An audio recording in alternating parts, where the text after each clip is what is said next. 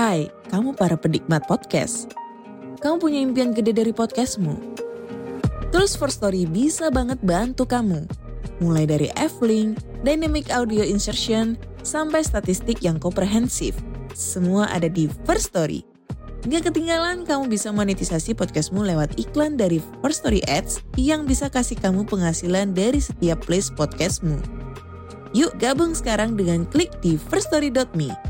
Sekali lagi, klik di firststory.me.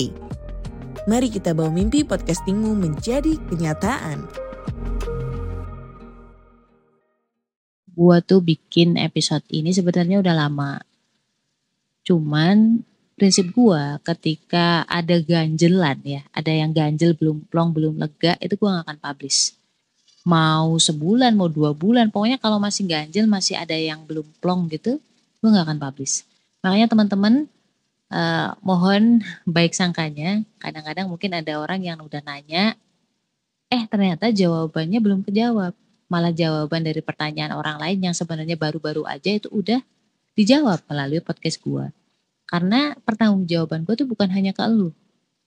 Lebih cenderung gue mikirnya adalah ini tanggung jawab gue sama Allah nantinya gitu. Jadi kalau misalkan ada ganjelan, itu sebenarnya pertanda dari Allah ntar dulu gitu.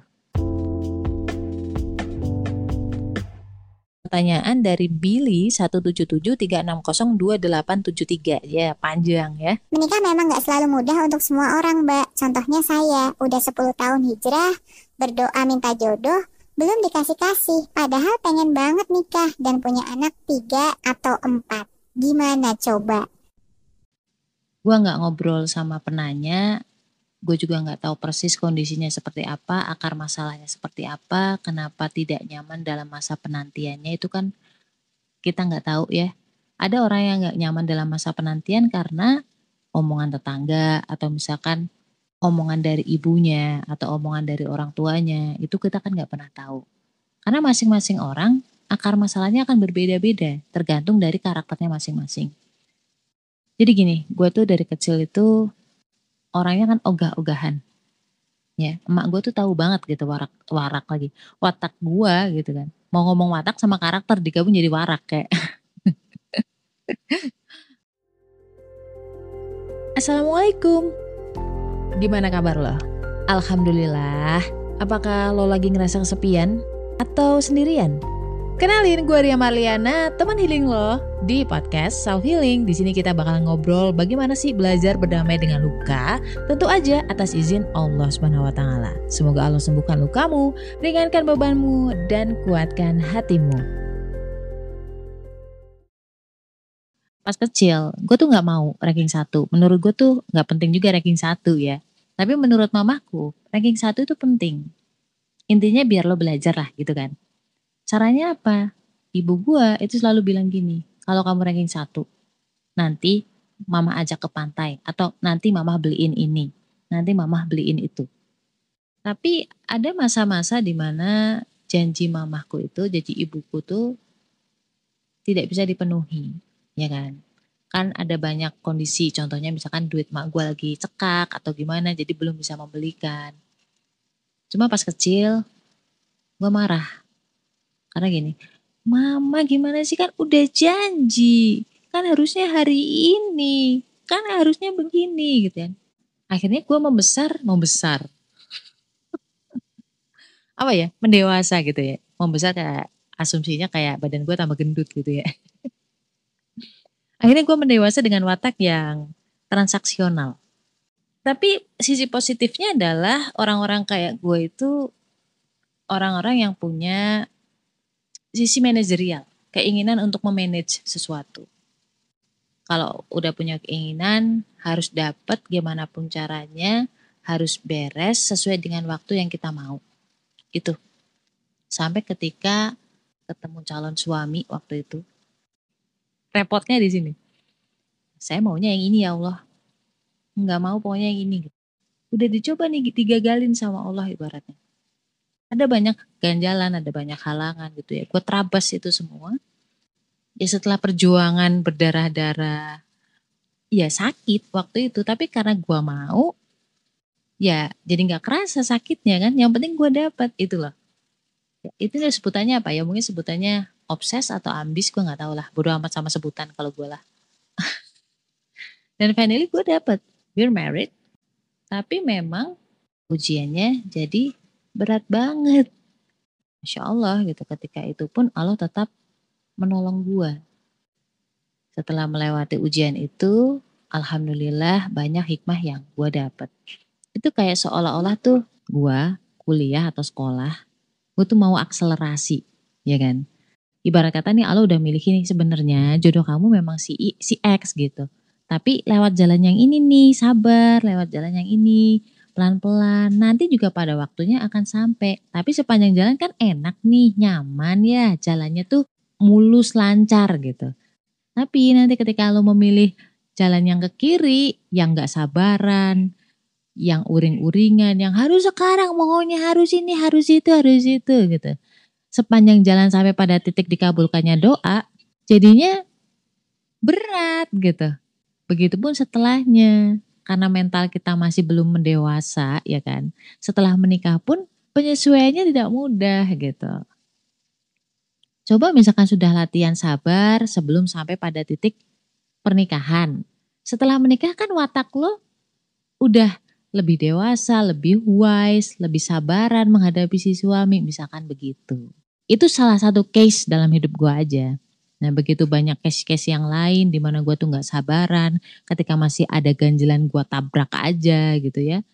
Banyak hal-hal yang membuat hati gue berat, hati gue merasa tersiksa, yang sebenarnya dunianya pun gak akan berubah. Artinya dunia itu sudah memang jadi jatah gue, di jam sekian, detik kesekian, akan datang rezeki itu, baik jodoh, anak, dan kawan-kawan, itu sudah ada catatannya semua.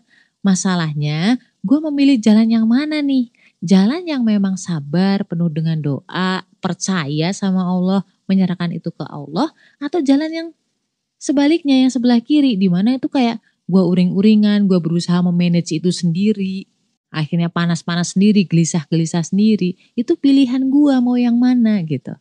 Jadi di situ gue membuktikan salah satu sifat Allah yaitu Allah yang maha mengetahui sedangkan kita tidak mengetahui. Jadi gue sekarang belajar untuk lebih berserah gitu, lebih menyerahkan itu kepada ahlinya. Jangankan kok hidup gitu, kita mau bikin rumah aja, itu kita percayakan kepada ahlinya. Arsiteknya siapa, tukang uh, pembangunan, pembangunan, developernya siapa, pemborongnya siapa gitu kan. Ya Allah untuk rumah saja kita itu menyerahkan kepada ahlinya. Bagaimana ke kehidupan kita, Kehidupan itu gak cuma dunia loh, tapi kehidupan dunia dan juga di akhirat. Siapa lagi ahlinya? Siapa lagi yang tahu itu semua kalau bukan Allah, ya kan? Jadi gue lebih tenang di situ. Allah pasti manage gitu semua. Dan gak cuma gue, tapi seluruh makhluk di bumi ini. Jangankan kok lu, hewan melata aja itu di manage sama Allah. Orang itu tenang kalau dia kenal siapa manajernya. Kalau kita kenal sifatnya Allah gitu ya, kita akan rela aja di manage oleh Allah. Udah tugas kita tuh cuma sholat, istiqoroh, minta doa, udah disabarin gitu. Ketika gue menginginkan sesuatu, Allah pasti akan kasih itu jika itu baik buat gue. Ketika gue udah siap, gue udah amanah, dan gue memang butuh itu, Allah pasti datengin. Contoh mobil nih sekarang, mobil yang modern gitu. Ngapain gue punya mobil sekarang? Gue gak punya income, nanti malah terbebani dengan biaya pajak, ya kan? Terus mobil itu pun nggak ke mana-mana gitu. Ngapain gue memilikinya? Bener nggak? Itu perjalanan orang memahami dan mengenal Allah itu kan masing-masing. Tapi percayalah semakin banyak ujian semakin husnuzon sama Allah semakin kita kenal siapa Allah. Kalau kita tahu begitu cintanya Allah sama kita begitu sayangnya Allah sama kita lu merasakan itu lu pasti happy dengan cara Allah memanage hidup lo. Dan cara gue memahami bagaimana cinta Allah kepada kita, hambanya adalah melihat bagaimana cintanya Rasulullah kepada umatnya.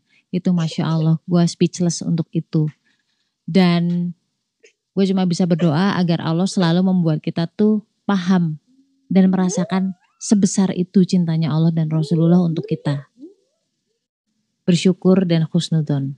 Ya, la haula wala quwata illa billah. Stay love and assalamualaikum warahmatullahi wabarakatuh.